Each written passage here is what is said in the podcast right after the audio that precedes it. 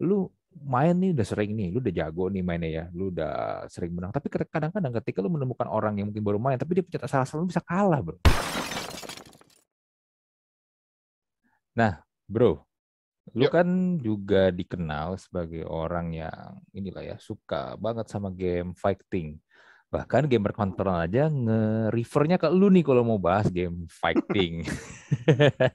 nah, kita, Sebenarnya sih gue nggak pernah jadi pro ya, tapi ya gue Mm-mm. masuk ke game fighting nih. hmm. Berarti game fighting pertama lu apa nih? Semua pasti rata-rata Survivor 2 dong.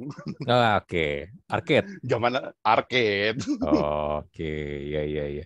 Itu pas zaman arcade itu gue inget banget di deket rumah gue ada beberapa tempat plus ada satu rumah.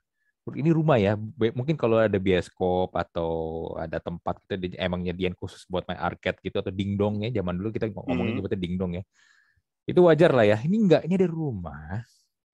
Dia buka halaman depannya, itu ditaruh beberapa arcade dan itu arcade semua Street Fighter. Empat atau lima biji deh Buset. pokoknya. Survivor 2 semuanya. Iya, Street Fighter 2 semuanya. Itu gue masih ingat banget pakai koin cepean ya, masih 100 Cepean, rupiah. cepean. Iya, 100 100 rupiah, rupiah yang yang, tebel. yang tebel Yang segede gede. gini. Nah, Nah, lu lu bisa main satu Hmm. game. Itu zaman itu juga sama lo. Sama, sama. Cuma bedanya gue waktu itu gue di waktu itu gue punya tetangga ya. Jadi Hmm. yang ngenalin gue ke konsol tuh dia. Jadi Mm-mm. tetangga gue anak badar juga lah. Gitu. Mm-mm. Tapi ini di Bandung posisinya. Mm-mm. Terus habis itu gue ke Gelael tuh, ikut emaknya dia. Jadi emaknya dia belanja di Gelael. Kita main apa nih? Jadi emaknya ngasih kayak ngasih goceng gitu. Kita tukerin logaman tuh. Terus itu kita main Street Fighter. Iya sebelah-sebelahan. Woi gantian dong. Bodoh kok masih koin gue masih banyak. Selalu gitu. Terus akhirnya Hmm. karena ya petugas datang kita kayak ya udah deh ngalah deh. Hmm. Iya, zaman Padahal tuh- bisanya bisanya cuma Hadouken doang udah nggak bisa yang lain. Iya, karena paling gampang. Karena gini, itu kan dulu stick arcade itu kan ini ya, yang joystick itu kan. Mm-mm. Hmm, kalau lu mau Hadoken masih gampang tuh. Ya se- seperempat lingkaran atau setengah lingkaran lu pencet pukul kan tuh keluar Iya, ya. Pukul Atau, ke Hadouken gitu. Walaupun kadang-kadang Iya, lompat juga gitu. eh, walaupun lompat juga. Tapi kalau mau Shoryuken itu kan susah. Karena kan lu harus harus depan bawah depan setengah dikit lagi kan. Ah, iya, iya, iya, itu baru dia baru dia bisa keluar kan. Gila ya dulu tuh gue kenangan banget lah itulah. iya. Kita lagi badung-badungnya kan, dan gue ketemu teman Badung, Hmm. kita main Street Fighter. Habis itu ternyata Street Fighter launching di Nintendo. Nintendo apa SNES dulu ya? SNES dulu kalau salah. Super SNES ya, Nintendo, Nintendo and, and, apa Sega, dulu? and Sega seingat gua. Sega juga ada. Iya, Nah, pokoknya Nintendo- launching di di rumahan gitu terus kita kayak ya udah kita main di rumah aja, kita main Street Fighter di rumah. Hmm. Terus dari situ ya itu kita kayak absen lah kita nggak tahu apa-apaan lagi kita taunya kontra kawan-kawan game-game itu terus lagi SMA kita taunya Final Fantasy Iya, iya, iya, iya. Cuman kan Tekken sempet masuk ya. Te- Booming, ada, sempet ada, booming. Ada, ada Tekken. Ah, ada di di bioskop ya dulu ya Eh, gue main dari PS dulu baru di bioskop dong. enggak enggak Tekken tuh dari bioskop dulu men Masa Tekken sih? 2 Tekken 3 itu di bioskop dulu Tekken 3 Kagak. dulu yang masukin ih beneran Tekken 2 di di PS1 betul Tekken Iya. 3 nya di bioskop duluan Oh ya? Eh di Iya. bioskop, dulu- di bioskop dulu nih? di bioskop duluan Oh, iya, iya, nggak iya. berapa iya, lama iya. baru keluar kayak setahun kemudian tuh baru keluar Sempet ada Tekken Tag ya? Eh, Tekken Tag tapi peralihan dari Tekken 3 ke Tekken 4 Empat. ya? Eh, Iya, sorry sorry iya pokoknya dia peralihan ke PS2 dan ada Tekken Tag iya, iya, iya, bener, bener, bener. Nah itu Tekken juga, itu tuh dulu juga sangat-sangat ini banget. Karena dulu kan kita main ini ya, dua dimensi aja ya. Iya kita mainnya dua dimensi aja. Tapi gini men, tapi gini men dulu komunitas di Indonesia itu Hmm. Fighter itu nggak dianggap, bukan nggak nggak dianggap sih, redup lah, kecil lah gitu. Game-game fighting dua dimensi itu kecil lah gitu ya. Hmm. Yang gede itu Tekken, Tekken tuh bahkan ada dulu ada VGI lo kenal VGI nggak kenal Mas Kelly nggak? lo? Wah nggak tahu gua. Gua, gua Dulu orang, punya orang, VGI. orang-orang kayak gitu gua nggak tahu, man. Karena gua cuma tahu Jadi main gini. aja. Jadi dulu tuh Kelly itu punya VGI, videogamesindonesia.com, Hmm. VGI.com. Hmm. Itu yang punya Mas Kelly. Mas Kelly itu dulu ya kayak editor in chief juga lah kayak ada, tapi dia lebih cenderung kayak si CEO-nya sih. Hmm. direkturnya. Nah, itu dia sering ngadain turnamen tuh mas. Tekan tekan tekan tekan tekan. Pokoknya tekan empat tekan lima tuh dia ngadain turnamen tuh. Dulu teman gue yang di kota game juga ada yang juara dia. Pokoknya wah dia pokoknya ke kantor bawa bawa main tekan main tekan mulu gitu. Kita waktu itu juga gue juga statusnya kayak apaan sih? gitu. Cuman ya main tekan dong apa sih bagusnya? gitu. Hmm. dan mikirnya kan messing messing aja. Gitu kan. Hmm. Eddie Gordo ya tiga empat tiga empat tiga empat bawa aja kaki kaki kaki kaki terus gitu kan. Hmm, hmm. Paul Phoenix hoa hoa hoa hoa. Iya, iya, dead iya. fish dead fish dead fish dead fish aja gitu kan. Kita nggak ngerti apa-apaan. Cuman sampai ke satu ketika adalah gue dikenalin nih sama ini sama komunitas second. Nih, komunitas second nih Hmm, bagus nih. Nah satunya ada si Bram itu. Si Pak Bram ini. Pak Bram ini dulu mah ya masih cerenya lah gitu. Masih se- sepantaran lah kita. Hmm. Gitu. Nah habis itu dulu tuh komunitas game di Indonesia tuh benar-benar nggak ada yang namanya game fighting dua dimensi. Sumpah gue nggak bohong. Ada tiga dimensi. Virtual Fighter aja yang dulu dibawa sama Sonic Sega inget nggak lo? Lo kan dulu ada Sonic Iya. Sega tuh di Kelapa Gading tuh. Iya, Virtua Factor Itu dulu aja. gua, dulu gue sempet main Sega Saturn ya dulu ya. Sega Saturn ya. Sega Ya, Saturn tuh Virtual Fighter 2 kan. Hmm. Wah, arcade perfect keren banget tuh gue inget banget. itu. Nah itu Virtual Fighter aja nggak ada komunitas yang ada cuma tekan tekan tekan tekan. Oh. Tiba-tiba, Hmm. tiba-tiba waktu itu tuh Capcom posisinya adalah dia punya Street Fighter 3, Street Fighter 3 ya. Tapi kan dengan jelek, jelek bro. Bukan jelek. Jadi gini, Ryu dan Ken Hmm. itu satu-satunya karakter Ryu, Ken, Chun Li sama siapa lagi? Pokoknya karakter yang dipertahankan itu cuma dikit karakter lamanya. Karakter legacy itu cuma dikit dan Hmm. sisanya tuh karakter baru. Bahkan lo ketemu yang namanya di sana tuh ada Remy. Remy itu kayak Gael, tapi versi emo. Ngerti nggak? Jadi benar-benar dia pakai baju emo dengan baju kulit dan kawan-kawan, tapi dia gerakannya adalah Sonic Boom. Tapi pakai satu tangan. Jadi Hmm. kayak Nash, Hmm. tapi dengan cara yang sangat aneh gitu. Jadi kayaknya kita Hmm. kayak Hmm. ini apaan sih itu kita akhirnya Hmm. benar-benar game komunitas game fight itu redup Hmm. game nasi Indonesia itu redup di Indonesia Hmm. yang ada adalah tekan tekan tekan tekan sampai suatu ketika adalah di tahun 2008 kalau nggak salah Hmm. itu Street Fighter eh, Capcom tiba-tiba ngeluarin Street Fighter 4 Hmm. Street Fighter Ya. 4 yang pembukaannya Exile gitu kalau Hmm. tahu di Google eh di YouTube tuh mukanya Exile itu itu bener-bener jadi booming di Indonesia. Semua orang main Street Fighter lagi dan semua orang mau ngadain turnamen dan kotak game. Waktu itu gue waktu masih, masih di kotak game ya. Hmm. itu ngambil kesempatan itu. Kita ngambil opportunity itu. Yaudah kita bikin Street Fighter deh. Turnamen pertama kita adalah Street Fighter. Kita bikin turnamen pertama di Indonesia. Itu bikin Street Fighter. Waktu itu dan waktu itu Capcom jujur aja nih Capcom waktu itu mikirnya belum belum e-sport jujur. Capcom waktu itu Hmm. mikirnya belum e-sport. Jadi gini dia itu nge-hype karakter siapa ya? Eh siapa ya? Gurunya gurunya Ryo Maken gue lupa namanya siapa. Bukan Goki. Goki juga susah dapetinnya. Hmm. itu itu di hype dengan cara adalah lo harus bisa ngalahin Goki dengan cara lo perfect tiga kali dulu abis itu lo ngalahin dia di babak final. Lo kebayang gak sih lo? Gue harus mainin lima konsol. Hmm. malam itu juga harus dapetin Goki dan Goki dan siapa sih? Pokoknya gurunya Ryo Maken Hmm. itu biar biar semua orang bisa main karakter itu kebayang gak sih lo gue malam-malam datang waktu itu gue ngadain pertanyaan tuh di Blitz. Dulu zamannya masih Blitz Megaplex ya. Kan mereka Hmm. ada ada ruang konsol tuh ruang konsol tuh punya teman gue juga. Hmm. datang ke sana jam 5 sore nungguin sampai Blitznya tutup. Jam 8 jam 8 tutup udah udah last, udah last film kan waktu itu. Kan kan kan gue daily kan jadi kerja. Terus gue mainin semua itu namatin lima kali namatin 10 kali demi karakter itu kebuka. Hmm. Perjuangannya struggle-nya benar-benar gue rasain itu di situ kayak gue pikir kenapa nggak karakter kebuka aja sih dari awal kita kan mau turnamen Hmm. gitu Iya. itu itu itu itu itu asal asal muasal kita disebutnya era rejuvenation kayak era kebangkitannya game fighting itu Fighter 4 yang mulai Gini bro, sebelum lanjut ya, sebelum lanjut ya, Ya. eh gua gua mau flashback tarik lagi ke belakang dikit nih. Oh, Kita kan main Street Fighter 2. Ada Mortal Betul. Kombat, ada Mortal Kombat. Ah Mortal Kombat tuh lumayan meledak dulu dulu kan meledak Hmm. banget tuh Iya, Mortal Kombat Gue gue di juga Indonesia tuh gue juga hmm, salah gua satu suka dong main. Kalau satu gue main, main awal perkenalan gue dengan Mortal Kombat di arcade. Ya, Eh, beda banget kan sama itu ya sama Fighter yang ya kan itu kan karakternya masih ini ya pakai animasi dua dimensi sprite gitu kan Ya, sprite dua iya. dimensi kalau dia Hmm. tiba-tiba kan kayak capture kan motion Iya, capture Iya, kita ngeliat ada orang tuh, wah udah gitu sadis kan, darah muncrat di Oh. mana-mana, wah tuh keren. Eh ternyata di Super Nintendo ada, gue main di Super Nintendo. darah Terus- jadi hijau Eh, iya darahnya jadi hijau, tapi ternyata setelah itu Mortal Kombat 2 darahnya balik lagi merah kan. Iya. Iya. Dua dan tiga itu kan juga salah satu game yang mind blowing ya waktu itu ya bisa dibilang blowing. Street Fighter dan Mortal Kombat lah. Ada kayak Art of Fighting, ada eh, King of Fighter juga ada nggak ya waktu itu di Super Iya, Nintendo? Ada, ada, ada, ada, ada. Di- ada. ada ah, itu bukan di Super Nintendo berarti itu eranya PlayStation itu Oh itu ya King of Fighter PlayStation. Tapi kan ada ada ada Art of Fighting waktu itu juga ya. Nah, Art of Fighting di Sega. Eh, iya. Tapi gini loh, waktu itu kan boleh dibilang game fighting itu menurut gue ya, menurut gue adalah menyenangkan karena kenapa? karakter-karakternya itu punya ciri khas yang masing-masing, punya kelebihan dan kekurangan yang masing-masing. Jadi ketika lu Betul. ketika lu pakai Ryu, lu lawan Zangief, ya of course lu nggak bisa dong lawan lawan Zangief di ini kan di close combat di kan. invite ya di invite kan Iya, a- atau lu lawan Honda, lu dulu close combat lawan Blanka, yang ada lu di lu strum sama digigit sama Blanka kan, lu bakal cepat Iya. mati.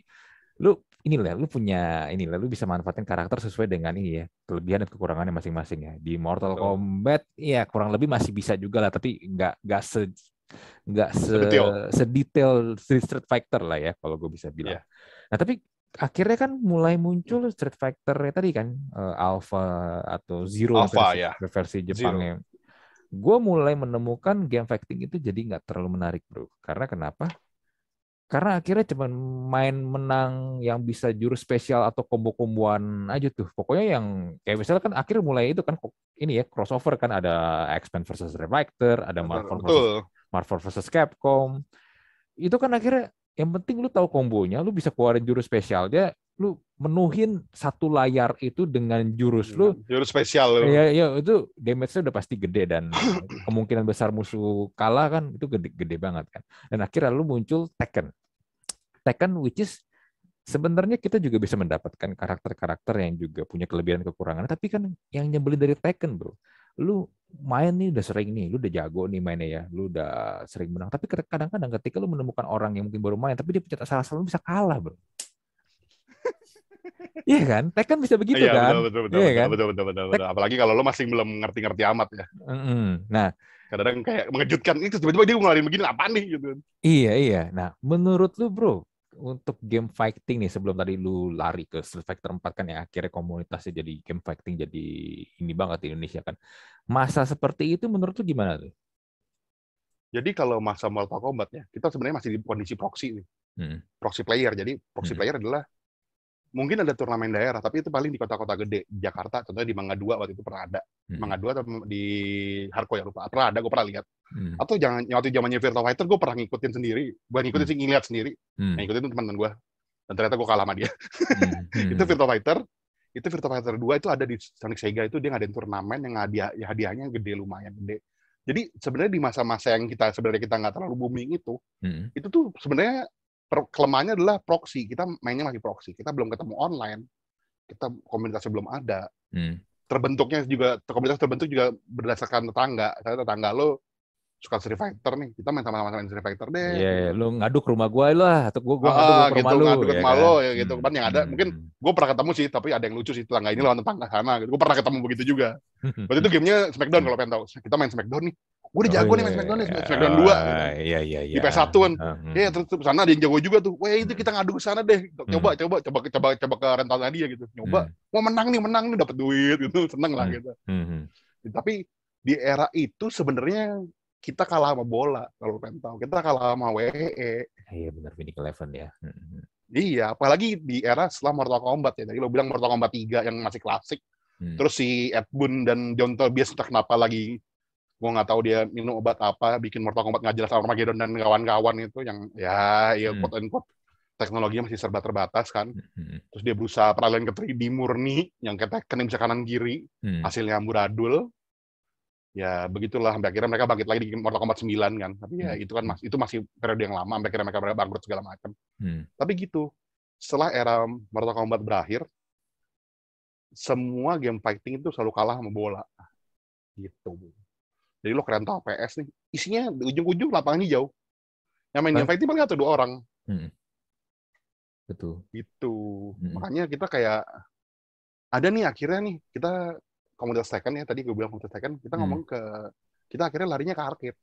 Jadi kita ke, Mangga- kita ke Taman Anggrek, kita ke Puri, itu demi main Tekken di arcade, demi ketemu sama teman kita sendiri di sana gitu. Hmm. Ini bukan di era bukan di era gue kenal sama mereka ya, cuma mereka cerita begitu. Gitu. Hmm. Hmm. Kita tuh dulu ngumpul di Puri, dulu tuh Puri tuh jagoannya si ini nih. Jadi kalau si ini lagi main tuh, ya udahlah lo terima kalah lah sama dia lah gitu, terima bohat lah sama dia lah gitu. Hmm. Hmm. Bahkan dulu sampai ada yang gebrak-gebrak itu juga ada gitu. Bahkan ada yang sampai kita benci gara-gara rusak insek juga ada Hmm. gitu. Jadi ceritanya kenapa sebelum Street Fighter 4 itu dunia game fighting di Indonesia dan inter- kalau internasional juga sebenarnya terasa sih. Hmm. Game, game fighting di Indonesia itu nggak nggak berkembang, maksudnya nggak berkembang, nggak muncul publik itu karena pertama adalah si gamenya sendiri itu juga nggak ada yang se wow Street Fighter gitu. Dulu Tekken ya kita tahu Tekken dengan segala kehebatan 3D-nya dia gitu, dia bikin Hmm. Tekken 4 Hmm. dan Tekken 5 yang kata gue lumayan sukses. Hmm. Tapi ya itu suksesnya ya masih di arcade-arcade aja gitu. Yang bikin bener-bener ngedorong game fighting itu adalah Street Fighter 4. Street Fighter 4 sukses, King of Fighter, si SNK, kan dia dibeli sama Playmore tuh sama perusahaan China. Hmm. Itu akhirnya dia bikin King of Fighter baru juga, King of Fighter 13 apa 12 ya gue lupa. Pokoknya dia bikin King of Fighter baru juga buat barengin Ki itu. Terus abis itu si Tekken. Tekken juga bikin Tekken baru juga, namanya Tekken 6 Hmm. dengan sistem combo yang kata gue sih keren karena sekarang combo lo nggak bisa ya sekarang ada strukturnya lah launcher, filler, and apa uh, uh, bound, ender atau bound wall gitu. Jadi kayak Hmm. ada struktur kombonya lah. Hmm. Dulu kan combo launcher, combo filler selesai. Filler mungkin unblockable selesai gitu. Sekarang jadi ada jadi ada struktur kombonya itu. Nah, itu di era tersebut itu game fighting yang namanya apalagi kita kita mulai melek internet semua dan mulai terhubung gampang walaupun dulu netcode-nya si si Namco Bandai itu sucks banget. Kita nggak Mhm. bisa online, men. Kita online Hmm. pasti ngelek-ngelek. Hmm. Hmm. Itu tapi Street Fighter masih bisa. Street Fighter masih bisa. Kita online, kita online bareng, kita belajar bareng, kita main bareng dan kita kadang-kadang kayak bikin kayak turnamen kecil-kecilan. Jadi bahkan ada Hmm. dulu ada bukan warnet sih, eh, tempat jualan bukan tempat jualan, tempat buat main game konsol Hmm. namanya X apa ya lupa X Play atau apa gitu di Kelapa Gading yang khusus sendiri buat kok game konsol aja. Jadi lu main di sana lu bukan buka warnet lu bukan, bukan lu nggak ngeliat warnet. Tapi yang ngeliat adalah PS3 Xbox dan Nintendo Wii dengan semua game originalnya. Hmm. gitu. Jadi lu datang ke sana buat main lu bayar dua puluh ribu dua puluh lima ribu is oke lah buat kita yang udah waktu itu udah kerjaan Hmm. kita main game fighting di sana rame-rame. Dan akhirnya kita jadi kayak event gabungan tiap bulan gitu. Jadi weh anak-anak Tekken cobain Street Fighter lah. Anak-anak Street Fighter cobain Tekken lah gitu. Jadi ada ada ada pertukaran pemain juga gitu Hmm. ada yang akhirnya nyangkut di Tekken ada yang akhirnya nyangkut di Street Fighter juga ada gitu nah, itu mulai gede tuh komunitas si game fightingnya mulai hidup lagi Hmm. dari tadinya vakum ber, ber- bertahun-tahun vakum mulai gede lagi itu tahun 2008 tuh startnya tuh ber, ber, ber, ber, ber, ber- nah sampailah jadi sekarang ini dengan Hmm. kita punya atlet-atlet yang yang yang cukup membanggakan lah yang pernah juara Asia yang pernah masuk ke Rusia yang pernah di Rusia masuk ke, ke delapan final Hmm. gitu gitulah itu di Tekken dan di Street Fighter kita waktu itu ada yang ju- ya juara masuk lumayan lah terus habis itu di dunia game fighting dua dimensi Hmm. yang kayak apa sih namanya eh Naughty Night apa pokoknya tuh yang kayak gitu-gitu yang game dua dimensi anime kita juga Hmm. bakal ada yang punya juara Asianya gitu ya itu tuh di era modern saat ini di mana internet udah oke banget kita Hmm. bisa ketemu musuh Hmm. kita bisa sparring segala macam kita bisa tukeran ilmu kita bisa ngobrol bisa segala macam gitu tapi tetap aja nggak ada yang bisa ngalahin main bareng sebelah sebelahan walaupun sekarang takut covid ya nggak sih Iya betul. Lu tuh main game fightingnya ngadu sama temen lu tuh ya kan, which is konsol ya atau di arcade ya sebelah sebelahnya itu memang itu sih itu nggak ada nggak ada nggak ada obatnya bahkan nggak ada gue obatnya. tiap malam ah, gue tiap malam kan sekarang main tekan sama temen gue temen temen gue ngobrol lah main tekan gitu tiap Hmm. malam ya karena dia Hmm. juga orang orang suka tekan banget gitu Mhm. kita main tekan gitu terus kita kadang-kadang suka bilang kadang-kadang gue kadang-kadang suka salah input aja gitu tapi karena gue merasa input gue bener gue bilang anjir mikrolag mikrolag gitu terus dia bilang yaudahlah kita ketemu lah kapan ketemunya anjir takut coy Mhm. gitu Iya iya. Gue sih jujur aja ya, gue terakhir kali Tekken itu Tekken 5, which is PS2 ya. Kan tadi kan gue eh, sempat juga share ke lu kan gue terakhir kali main game konsol tuh PS2, Tekken 5. Game fighting, gue masih ngerasain Street Fighter yang ketiga tuh, apa namanya? Third Strike Third ya, masa ya Third Ah, Strike Third yang Strike. yang buat gue aduh jelek banget jujur. Malah gue masih lebih suka Street Fighter waktu itu PS2 sempat ada Dua. Street Fighter Alpha 3 bukan yang anniversary edition jadi satu game itu oh tuh- satu bundle ya satu bundle tuh udah dapat Street Fighter dari zamannya yang cuma delapan orang sampai Ah, yang ah. Super Street Fighter tuh ada Ya, ya, Al- ya. Alpha gak ya? Gue lupa deh. Cuman itu malah jauh lebih menyenangkan bermainnya di PS2 waktu itu ya daripada lu main Street Fighter Third Strike itu. Sebenarnya gini lo tau nggak kelemahan Street Fighter Third Strike tadi selain gue bilang yang tadi yang gue bilang dia case-nya terlalu aneh gitu. Mhm. kita ketemu ada yang tangannya bisa manjang lah kita ketemu robot lah segala macam. Iya iya, terlalu iya. aneh. Kita jadi nggak familiar kan. Makanya kalau bilang mungkin ini apaan sih? Sebenarnya kelemahan Street Fighter 3 itu satu lagi. Skill gap-nya terlalu jauh. Skill gap-nya jauh banget Hmm. jadi antara pemula dan Hmm. orang yang jago itu bisa langit kayak langit sama bumi kenapa Karena mereka punya sistem parry dan semua karakter di Street Fighter 3 Hmm. itu bisa parry. Dan lo mau tau nggak parry itu pencet apa? Apa tuh? Pencet depan. Di, di time frame yang sama. Lo kebayang nggak sih lo? Frame game fighting kan kita kan kalau main game fighting 60 frame.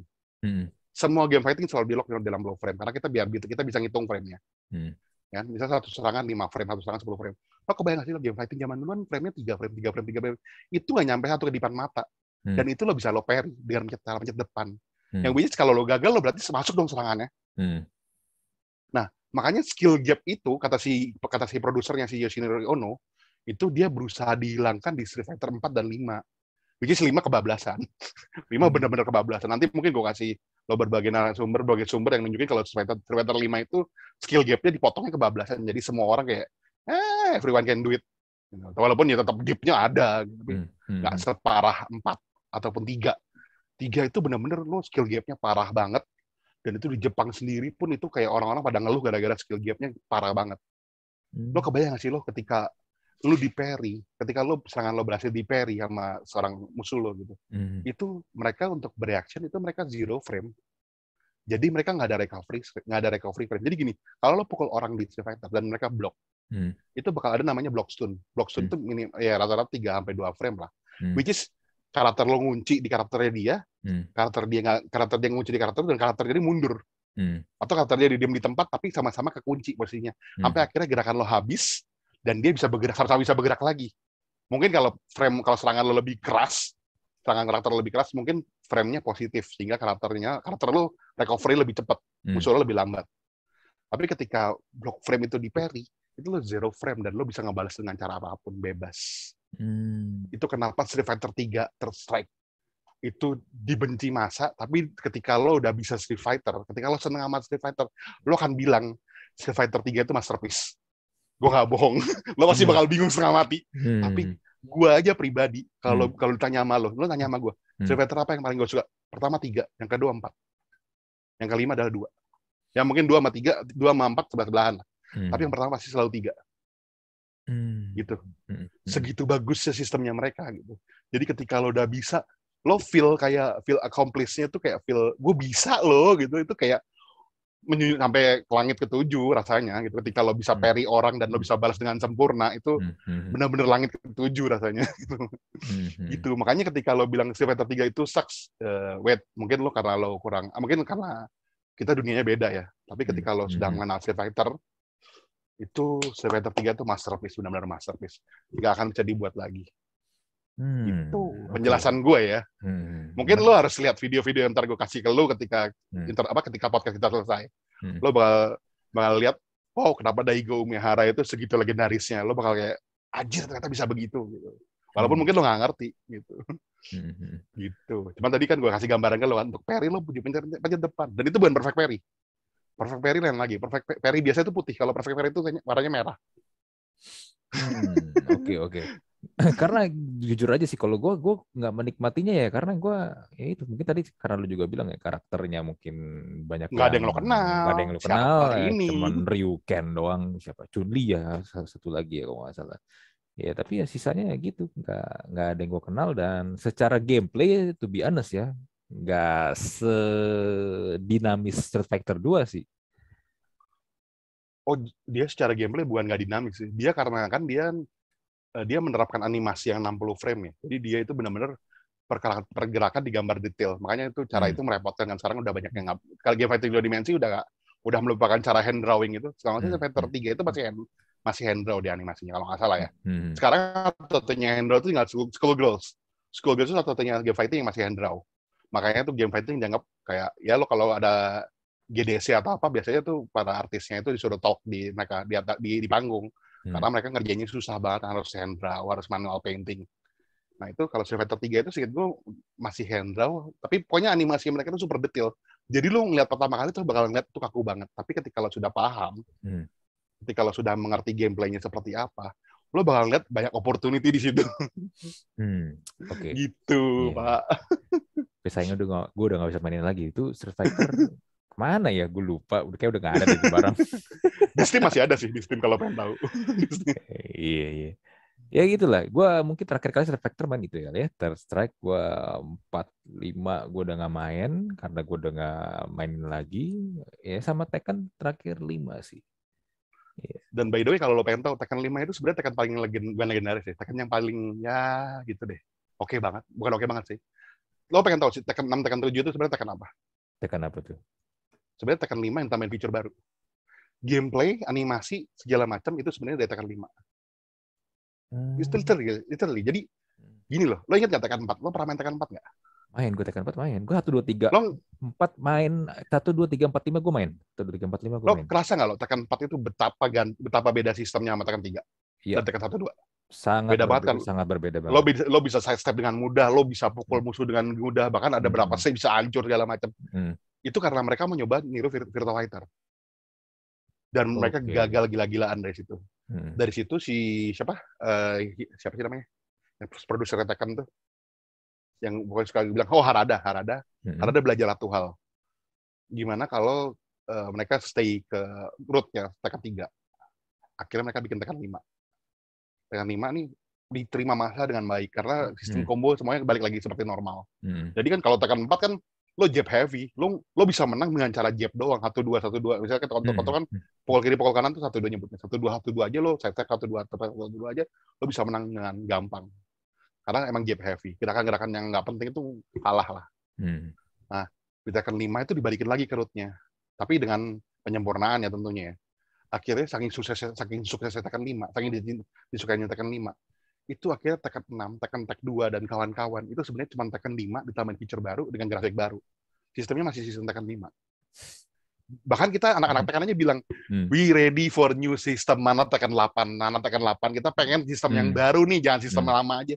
Lo kebayang gak sih lo dari Tekken 5 ke Tekken 6, ini cuma ditambahin satu gerakan namanya bound. Jadi ada satu hmm. ada satu gerakan, hmm pokoknya beberapa gerakan di Tekken 5 itu dikasih properti bound. Jadi ketika lo ngebound, itu musuh ngantem tanah dengan keras, sehingga akhirnya kaki mereka keangkat. Kaki hmm. mereka keangkat itu bisa terus, mereka lo bisa ngelakuin finisher ataupun ngebawa itu ke, ke, ke wall, ke wall. Ya kan ada wall kan di pinggir. Hmm. Hmm. hmm. hmm. Ya itu cuma ditambahin bound doang. Tambahin bound, ya that's it. Ketika di Tekken 6, lo tau nggak boundnya dirubah jadi apa? Dirubah jadi spin. Jadi lo sekarang kalau lo gebuk musuh ke tanah, bond keluar, hmm. tapi itu cuma di starting. Kalau lanjutan combo nggak bisa. Yang ada adalah ketika lo mau di akhir filler, maksudnya di akhir combo terusannya gitu. Hmm. Lo spin musuh, musuhnya bakal berputar menjauhi lu, hmm. dan lo harus kejar dan lo harus ngelakuin finisher. Kenapa dia mikir musuh berputar menjauhi lu? Kenapa hmm. dia mikir si Harada mikir dia bikin gerakan yang nyebabin musuh ngejauhin lo? Tahu nggak kenapa? Kenapa tuh? Itu sebenarnya buat ngurangin skill gap. Jadi gini, ada beberapa gerakan yang sebutannya ISW. Hmm. Instant Shining Wizard itu gerakan adalah lo dash dalam jarak nggak lebih dari satu senti, tapi lo dianggapnya dash sama sama tekan, which is nggak hmm. mungkin. Lo hmm. kalau dash kan depan depan depan, baru hmm. dash. Hmm. Ini berapa orang, semua orang yang main tekan dengan advance gitu, mereka bisa namanya ISW, instant dash, bisa bilang instant dash. Itu kayak kayak karakter king atau karakter-karakter yang butuh bantingan, itu harus ngelakuin instant dash itu gitu.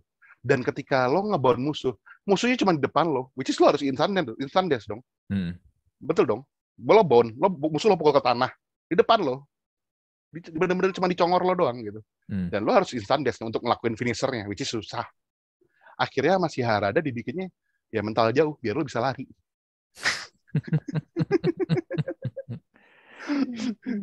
iya, iya, gitu. Iya, Jadi skill hmm. gap skill gap itu ya kayak mereka kayak kurang-kurangin contoh ya. Paling paling gampang adalah Street Fighter yang tadi lo bilang. Hmm. Street Fighter 1 lo input super strict.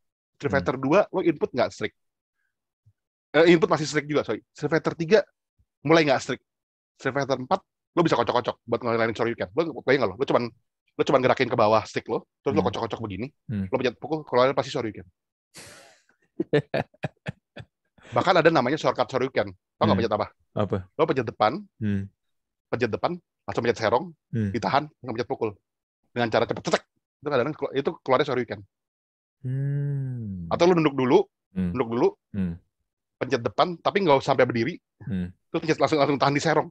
Pencet pukul terus kan keluar.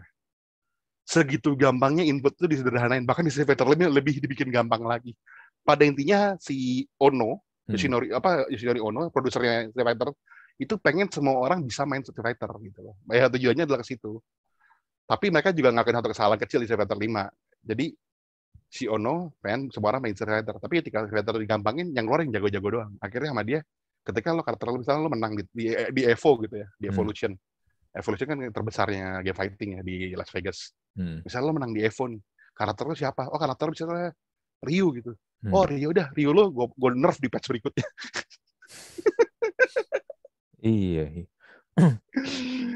Cuman Aduh, jadi kalau dibikin begitu bro, sorry aja ya. Jadinya kan Iya. nggak nggak menarik jadinya kan, karena akhirnya semua orang bisa benar semua orang bisa main. Tapi ya buat apa kalau lu gini kan? Salah satu esensi dari lu main game fighting adalah lu latihan kan. Latihan tujuannya Betul. apa? Untuk ketemu temen lu buat ngadu kan. Jadi lu bisa dap- mendapatkan oke gua hasil latihan gue begini nih.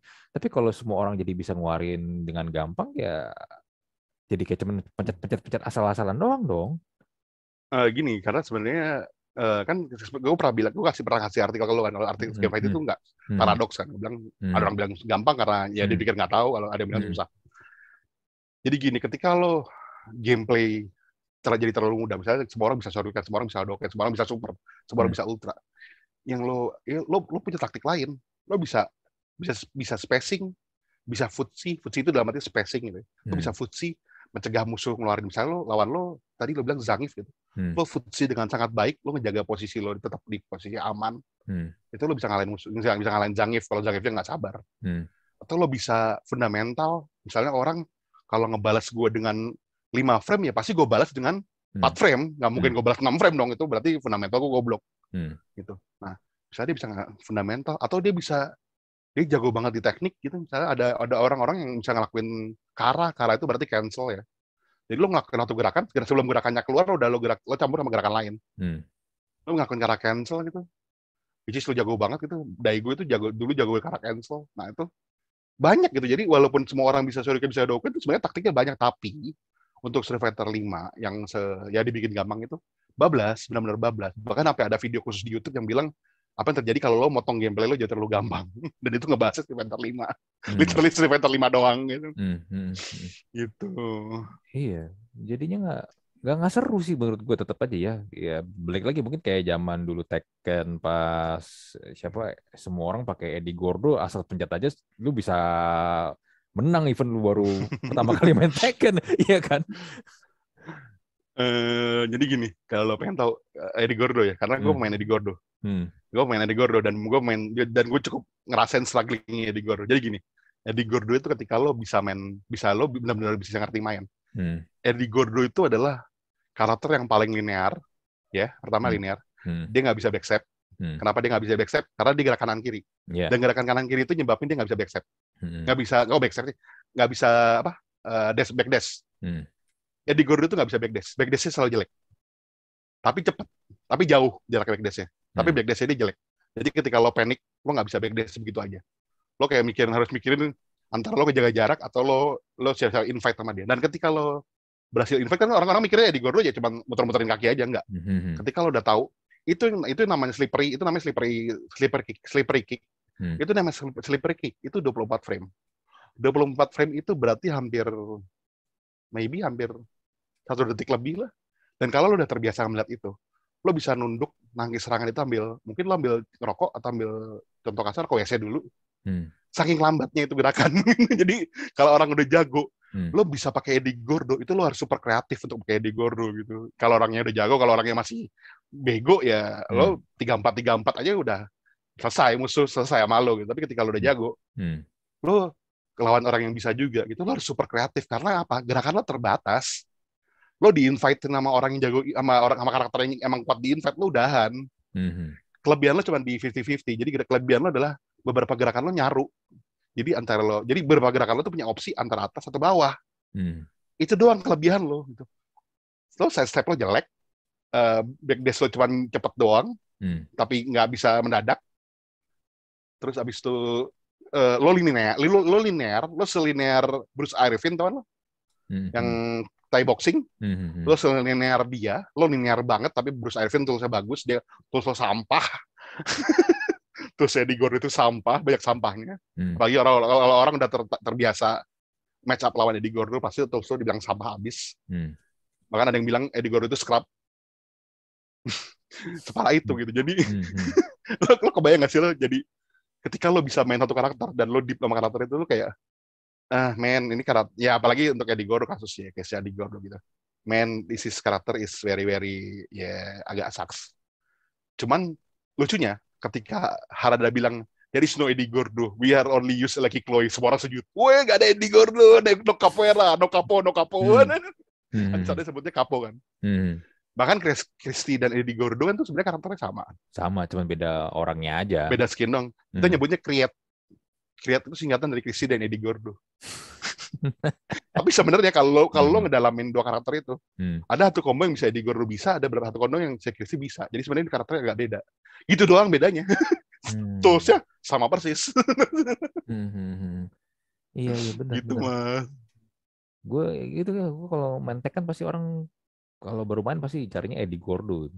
Iya, Eddie Gordo sama orang udah. Iya, mau mau orang bener. Orang, orang, kan, mikirnya tiga empat tiga empat aja udah. Hmm, orang bener bener. Iya, jadinya ya gitulah lu ngeliat orang pencet asal-asalan kan begini. Bisa kan kalau kita main PS kan kita kan pegang kontrolernya begini kan, iya hmm. kan. Nah, kalau orang yang main asal-asalan, kontrol taruh di taruh di lantai, dia pencet gini-gini doang udah asal orang cuma pencet silang bulat silang bulat dia bisa jalan sendiri kok itu. gua selalu gerakin kadang-kadang kan.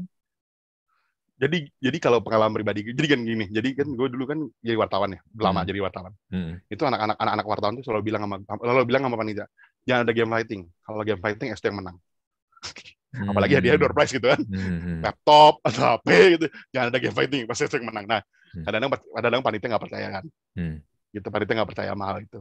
Walaupun FS juga biasanya gue yang menang kan. Kadang-kadang panitia nggak percaya gitu. Nah, itu pada suatu ketika adalah gue pernah ini pengalaman pribadi gue ya. Hmm. Gue nganggap gue nganggap remeh sih karena gue pikirnya gue bisa gitu ya. Hmm. Gue ya pakai karakter yang nggak bukan utama gue gitu gue pakai karakter yang nggak nggak make sure gue menang gitu gue pakai karakter coba-coba hmm. ya karakter-karakter yang gue pikir bisa menang lah ya hmm. sama juga lawannya wartawan bisa apa sih tiba-tiba ada wartawan milih karakternya di Gordo hmm. dengan, dengan dan dengan bodohnya gue kemakan slippery kick dia berkali-kali sampai akhirnya kita mereka kita berdua kita berdua akhirnya harus rematch lagi hmm. untuk nanti juara satu gitu terus karena gue udah kesel karena kan gue pikir tadi karakter gue nyoba nyoba karakter gue nyoba nyoba yang gue bisa tapi bisa sekedarnya gitu nggak bisa benar-benar full kayak di Gordo gue gitu hmm. karena gue udah kesel gue kira di bak final gue pakai di Gordo sampai-sampai teman gue tuh hmm. bilang hmm. ini karakter make sure ya biar lo menang ya ini karakter make sure gue Iya, iya, iya, iya, dulu itu lah pas lagi zamannya Tekken ya gitu lah. Orang pasti selalu akan milih Eddie Gordo gitu. Kalau betul kan dipikir apa paling gampang. Uh, iya betul dan apa siapa si itu si Harada sampai sekarang dia ya dia waktu tekan tujuh keluar hmm. oh tekan tekan tujuh itu by the way fenomenal karena dia berhasil jadi game yang populer banget di mana-mana. Hmm. penjualan sangat bagus. Bahkan Harada aja sampai seneng banget semuanya seneng banget. Di Namco Bandai itu seneng banget sama tekan tujuh. Dan semua komunitas juga seneng banget. Ya karena kita udah modern kan tekan tujuh dengan segala wow dengan segala gameplaynya dengan segala efeknya keren-keren. Hmm. ada art ada rare drive segala macam jadi sekarang kalau lo lo main nggak main Tekken 7 kan? Nggak main Tekken 7 itu ada kayak supernya men sekarang jadi ketika lo sekarat dape hmm. lo merah-merah kedip-kedip hmm. itu lo bisa ngeluarin satu gerakan namanya race drive dan itu persis kayak persis kayak supernya Street Fighter hmm. gitu dan itu udah dianggap kayak wah ini comeback mekanisme paling bagus nih ketika lo sekarat hmm. musuh HP-nya masih penuh dan ketika damage-nya masuk gitu gue sekarat banget dan dia HP-nya lumayan hmm. gue bisa bunuh dia gitu dengan cara pakai red dive atau red art hmm. gitu nah hmm. itu tekan tujuh aja ya yang tadi gue bilang itu dia apa uh, dia si Harada sampai bilang loh lo pengen belajar main Tekken ini ada karakter namanya Katarina cewek seksi men hmm. cewek seksi dengan baju yang terbuka sangat tidak pantas menurut gue. Hmm, hmm, hmm, hmm. Katarina, Katarina ini newbie friendly, lo bisa pakai dia men. Haladaya me bilang begitu. Dan begitu gue coba emang toolsnya wow banget. Bahkan gue bisa ngelakuin satu combo dengan cara pencet abis lo susah-susah ya. Maksud gue kayak launcher, bikin launcher, bikin hmm. itu bisa pencet misalnya temen tombol tenang tenang tenang tenang tenang tenang tenang sampai sampai sampai sampai selesai. Tenang, tenang, tenang, tenang dan tenang lagi sampai lima kali. Tenang, tenang, tenang, tenang. Selesai. Ditembok dan itu sakit. Segampang itu, sebagus itu tools ya. Iya. Si Harada strateginya begitu. Jadi strategi hmm. para pembuat game fighting sekarang adalah hmm. dia harus encourage orang untuk main game gamenya dia daripada dia daripada dia ngelayanin si hardcore ini. Hardcore kan jumlahnya segitu-segitu aja nih. Hmm. Gimana kalau encourage semua orang buat main game fighting? Dikasihlah cewek dengan potongan yang spesial, Hmm. baju yang sangat spesial juga, tiba-tiba kombonya kayak, men dia agak linear tapi kayak what the super gampang. Iya. Ini kan berarti kan balik lagi tetap aja ujung-ujungnya kan biar penjualannya bagus, salesnya bagus dan ujung-ujungnya Betul. Dan duit sekarang kan e-sport. Heeh, dan Hmm, tapi kan sekarang kan e-sport mas. Hmm. Jadi dia dia butuh butuh audiens juga karena gimana pun caranya lo nggak lucu dong lo bikin e-sport di panggung di Las Vegas kayak Evo atau kayak siapa gitu atau Hmm. Evo Japan gitu. Tapi penonton lo dikit tuh nggak lucu kan lo dihitung KPI lo juga. men. Kalau misalnya gue jadi Nemco Bandai gue marahin lah rada. Lo ngapain bikin game fighting susah? Iya sih. Jadi sekarang gini bro, kalau gue nanya sama lu, eh, game fighting top 3 lah ya, top 3 game fighting terbaik yang pernah lu mainin apa nih? Eh, untuk pribadi ya. Iya, pribadi whole Pribadi, time ya pribadi, dari dari whole dari, time. dari zaman tadi kita bahas lu main dari Street Fighter zaman masih di arcade ya sampai Iya. sekarang. yang pribadi pasti nomor satu Street Fighter 3 sih. Nggak bohong. Itu itu masterpiece bagi gue. Dan bagi kebanyakan orang main Street Fighter itu masterpiece. Hmm. Terus yang kedua adalah gue suka banget sama yang namanya eh, Tekken 6. Itu gue suka banget. Walaupun sistemnya masih kurang ajar. Hmm. Damage-damage combo masih bangsat lah. Masih Hmm. ya kurang ajar lah. Hmm. Yang ketiga adalah gue suka banget sama Schoolgirls. Itu game gak populer. Hmm. Literally gak populer di Indonesia karena karena combo base. Kayak kayak ultra apa eh, apa Marvel vs Capcom Hmm. yang yang combo banyak banget gitu. Hmm. Tapi dia hand draw. Perusahaannya sering bermasalah ya, naik turun juga. Tapi semuanya hand draw dan dia penuh dengan eh, apa? Penuh dengan eh, apa namanya? Kalau kalau apa ng- ngutip game lain tuh sebetulnya apa? Penuh dengan apa? Kayak Easter egg dari game lain. Contoh ya, Hmm. bahkan di sana ada karakter yang cewek pakai cakar cewek. Hmm. Dia kalau ngeluarin supernya, ngeluarin gerakan supernya, dia ngomong apa tau lo? Apa? Tebak dong. Berserker Barrage. Wolverine dong. Itu. dia ngomong, Hmm. iya dia literally ngomong Berserker Barrage dan gerakannya sama. Hmm. Dan abis itu ada karakter-karakter lagi yang dia namanya Peacock. Dia kalau Hmm. nonjok, dia kalau Hmm. nonjok nonjok high atau nonjok low ya, atau medium ya, Hmm. dia ngeluarin pisau. Hmm. Ngeluarin pedang dari dari tangannya itu keluar pisau, pedang Hmm. itu. Dari Hmm. pistolnya dia.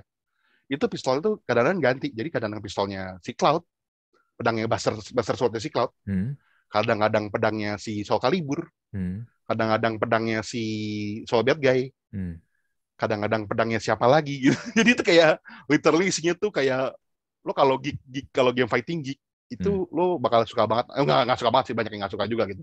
Lo bakal terhibur banget sama begitu-begitu. Soalnya tuh kayak wow, lo bikin gameplay yang original tapi dengan sistem yang segitu bagusnya tapi ya itu dengan penuh dengan apa hidden hidden gem dari game-game lain gitu. Oh by the way, lo kan Hmm. tadi nanya kan Hmm. ada yang UMVC itu kenapa begitu gitu. Ultimate Marvel vs Capcom itu kenapa begitu? apa? Hmm.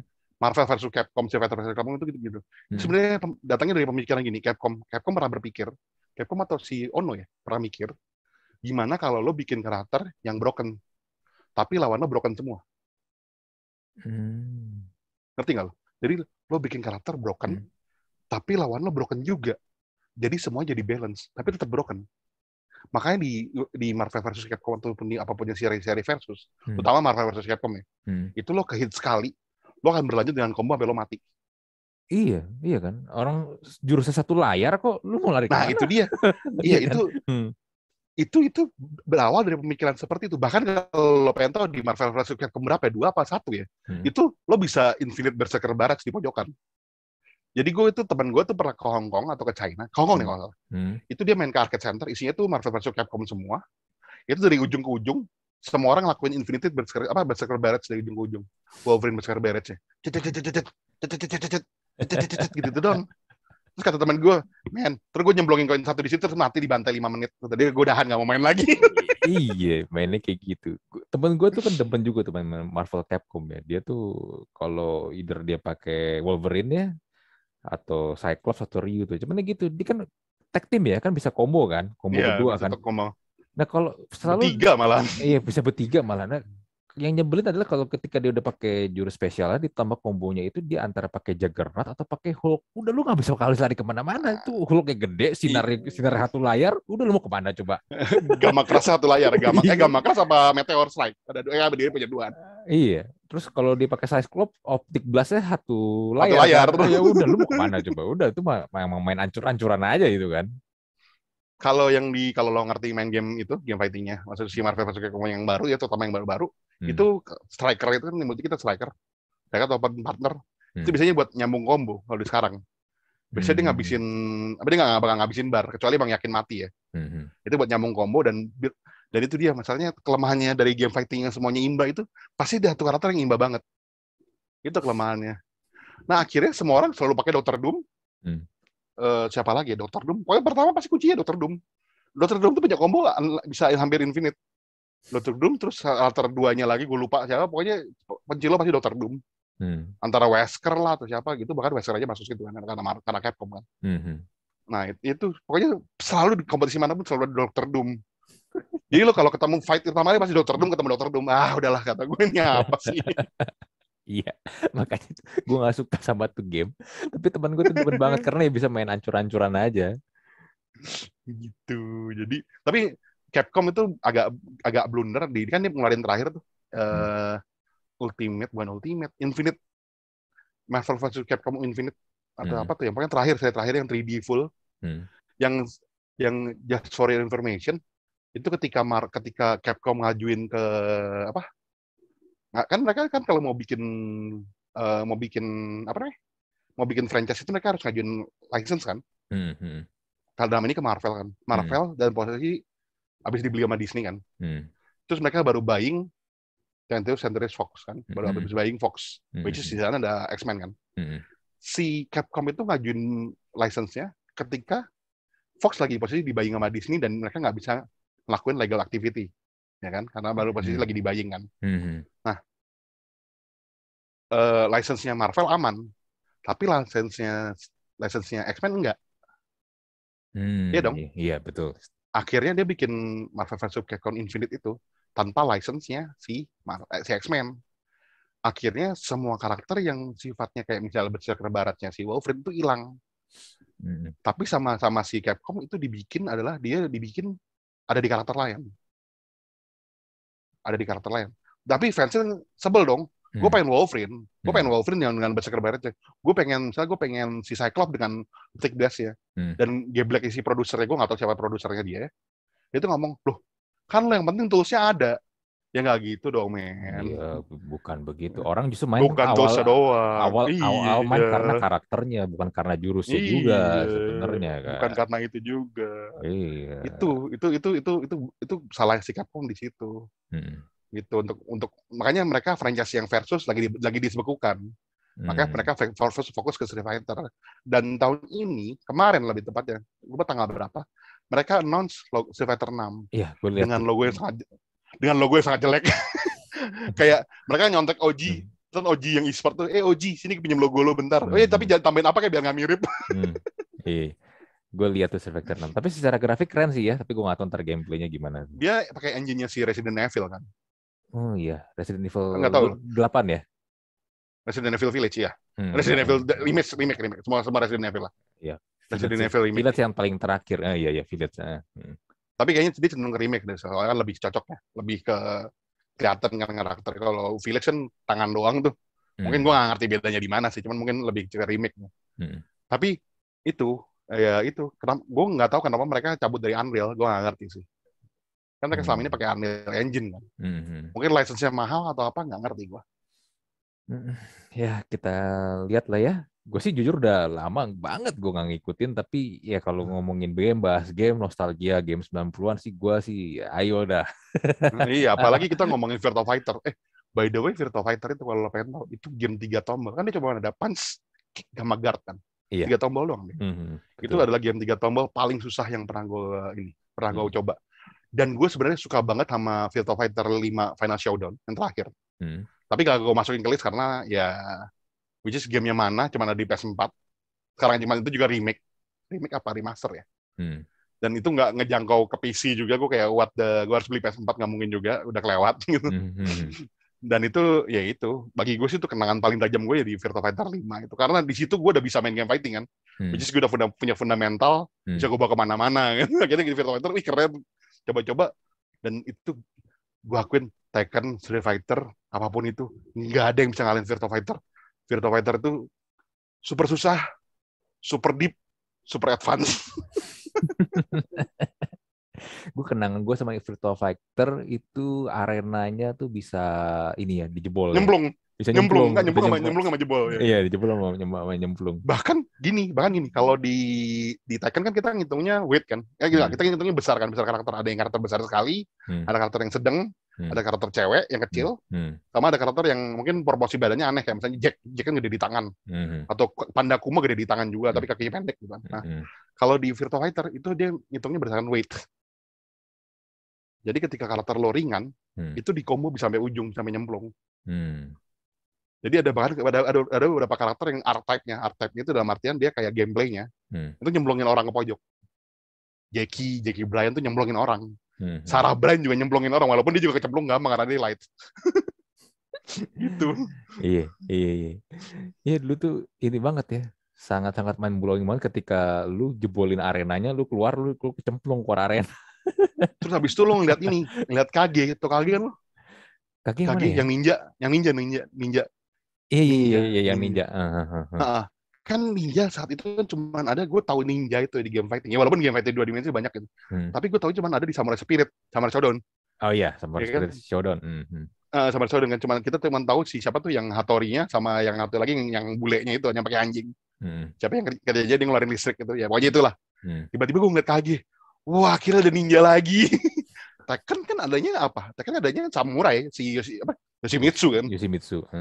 Heeh. Heeh. Terus ninjanya baru ada si yang ceweknya itu yang siapa sih namanya pokoknya yang, yang kayak Yoshimitsu juga tapi cewek. Hmm. Tapi itu nggak nggak terlalu ninja gitu. Sampai akhirnya ada Master Raven. Master Raven benar-benar ninja. Gitu, tapi begitu gue ngeliat lagi, wah dia ninja, jurusnya pakai pala nih apaan sih dia bantingan dilempar terus tunjukin pakai pala. Hmm, ninja aneh kata gue. Iya. Itu sih nostalgia banget sih. Iya, iya, menarik, menarik. Ya gue gue suka sih bahas game kalau ya gue sih jujur udah gak terlalu ngikutin lagi kayak tadi gue bilangnya untuk game tapi ya kalau buat bernostalgia zaman 90-an 2000-an di mana kita lagi senang-senangnya bisa beli game murah ya kan game banyak banget juga ya waktu juga banyak. Ya kalau dibahas lagi ya itu. Beberapa yang komen juga gitu. Gue suka nih kalau bahas game-game 90-an 2000-an karena kenapa nostalgia tuh balik lagi tuh kan ke zaman-zaman itu. Iyalah, apalagi kita ngeliat kalau gue ya sebagai waktu itu udah mulai gak ngerti game itu. Kita ngeliat Hmm. pertarungan antara SNK, SNK Hmm, dengan of Fighting-nya, hmm, ngelawan Capcom yang dengan Street Fighter-nya. hmm. Itu tuh kocak banget sih, sumpah. Lo Iya. tau kan Dan Hibiki? Tau kan Dan Hibiki? Hmm, hmm, hmm. Tau, tau Dan Hibiki kan? Yang yang dia kayak Ryu, tapi baju giginya warna pink Iya, tahu, dengan tahu. Hodoken yang pendek banget. Hmm. Itu plesetannya Ryo sama Robert. Iya, bener sih. Itu plesetannya Ryo sama Robert dengan jurusnya Hmm. Ryo Robert Hmm, dan potongannya rambut kayak Ryo. hmm, Eh, Iya kayak Ryo ya, atau, atau kayak Robert. Eh sekali potongan rambut kayak Robert. hmm, Ya, tapi dengan style berantakan dengan frame yang gede-gede nggak jelas gitu. hmm. Itu lucu banget sih. Dan abis itu lo tahun Kasumi itu Kasumi Todo atau siapa ya? Bentar gua agak lupa, gue browse dulu mungkin ya. Hmm. King of- Dan King of Fighter tuh ngebalasnya dengan cara yang sangat lucu. Eh, jadi dia punya karakter cewek. Eh, a- adiknya Ryo sama Robert.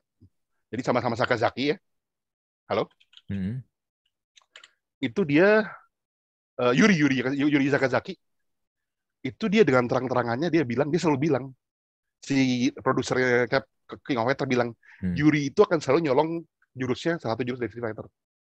Jadi dia per misalnya King of Fighter 97, 96, oh yang yang ada Yuri, yang ada Hmm. Yuri Sakazaki, Hmm. itu akan selalu jurusnya akan selalu sama dengan salah satu karakter Street Fighter. itu dia cara Hmm. mereka buat ngedek Street Fighter.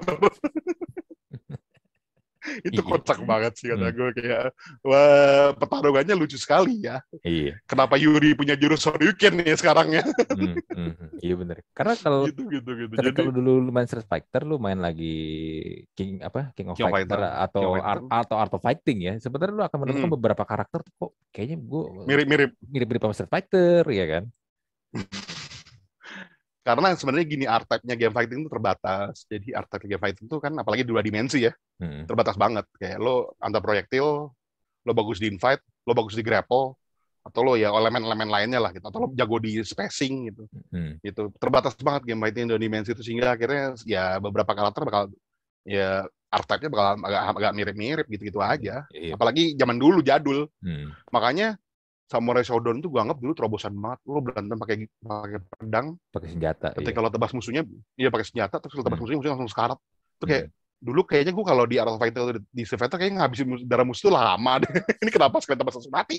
Iya. Apalagi bisa kebelah kan duluan. Cepet kebelah. Wih, Hmm. sensor nih kata gue. Bener, bener, bener. Iya sih. Iya, ya iya, dulu iya. Oke lah bro, gua seneng sih ngobrol sama lu. Kita ngobrol udah la- lama, gitu, hampir dua jam cuy. Betul kan, makanya gue bilang sama lu kan. Tolong kalau gue Hmm. ngobrolnya kepanjangan, tolong di stop.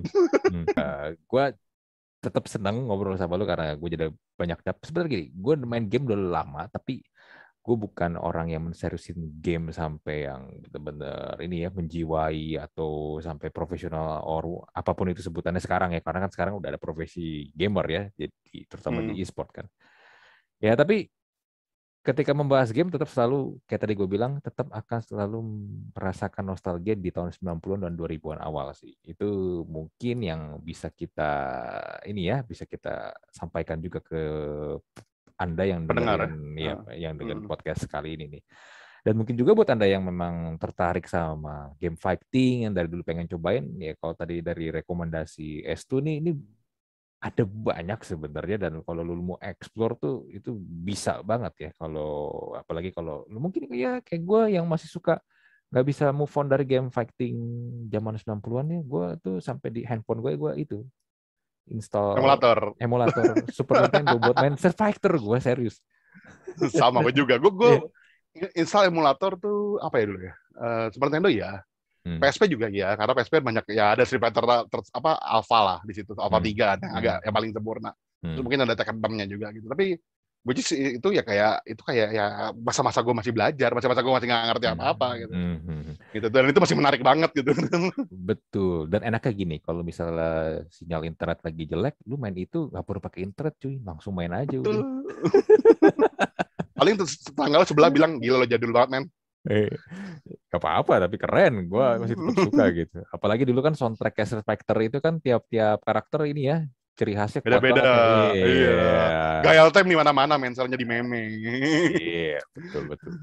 Oke bro, gua sekali lagi thank you buat itu ya, buat cerita dari lu, buat ilmu-ilmu dari lu juga, pengalaman lu juga seru dan ternyata juga kerja di dunia game itu ternyata tidak se menyenangkan yang seperti kita kira sebenarnya. Oke bro, gua close ya untuk take Talk to Talk podcast episode kali ini ya. Gua Andri Betul, dan banget, S2 mohon pamit. Kita jumpa lagi di Talk to Talk podcast episode berikutnya. Bye.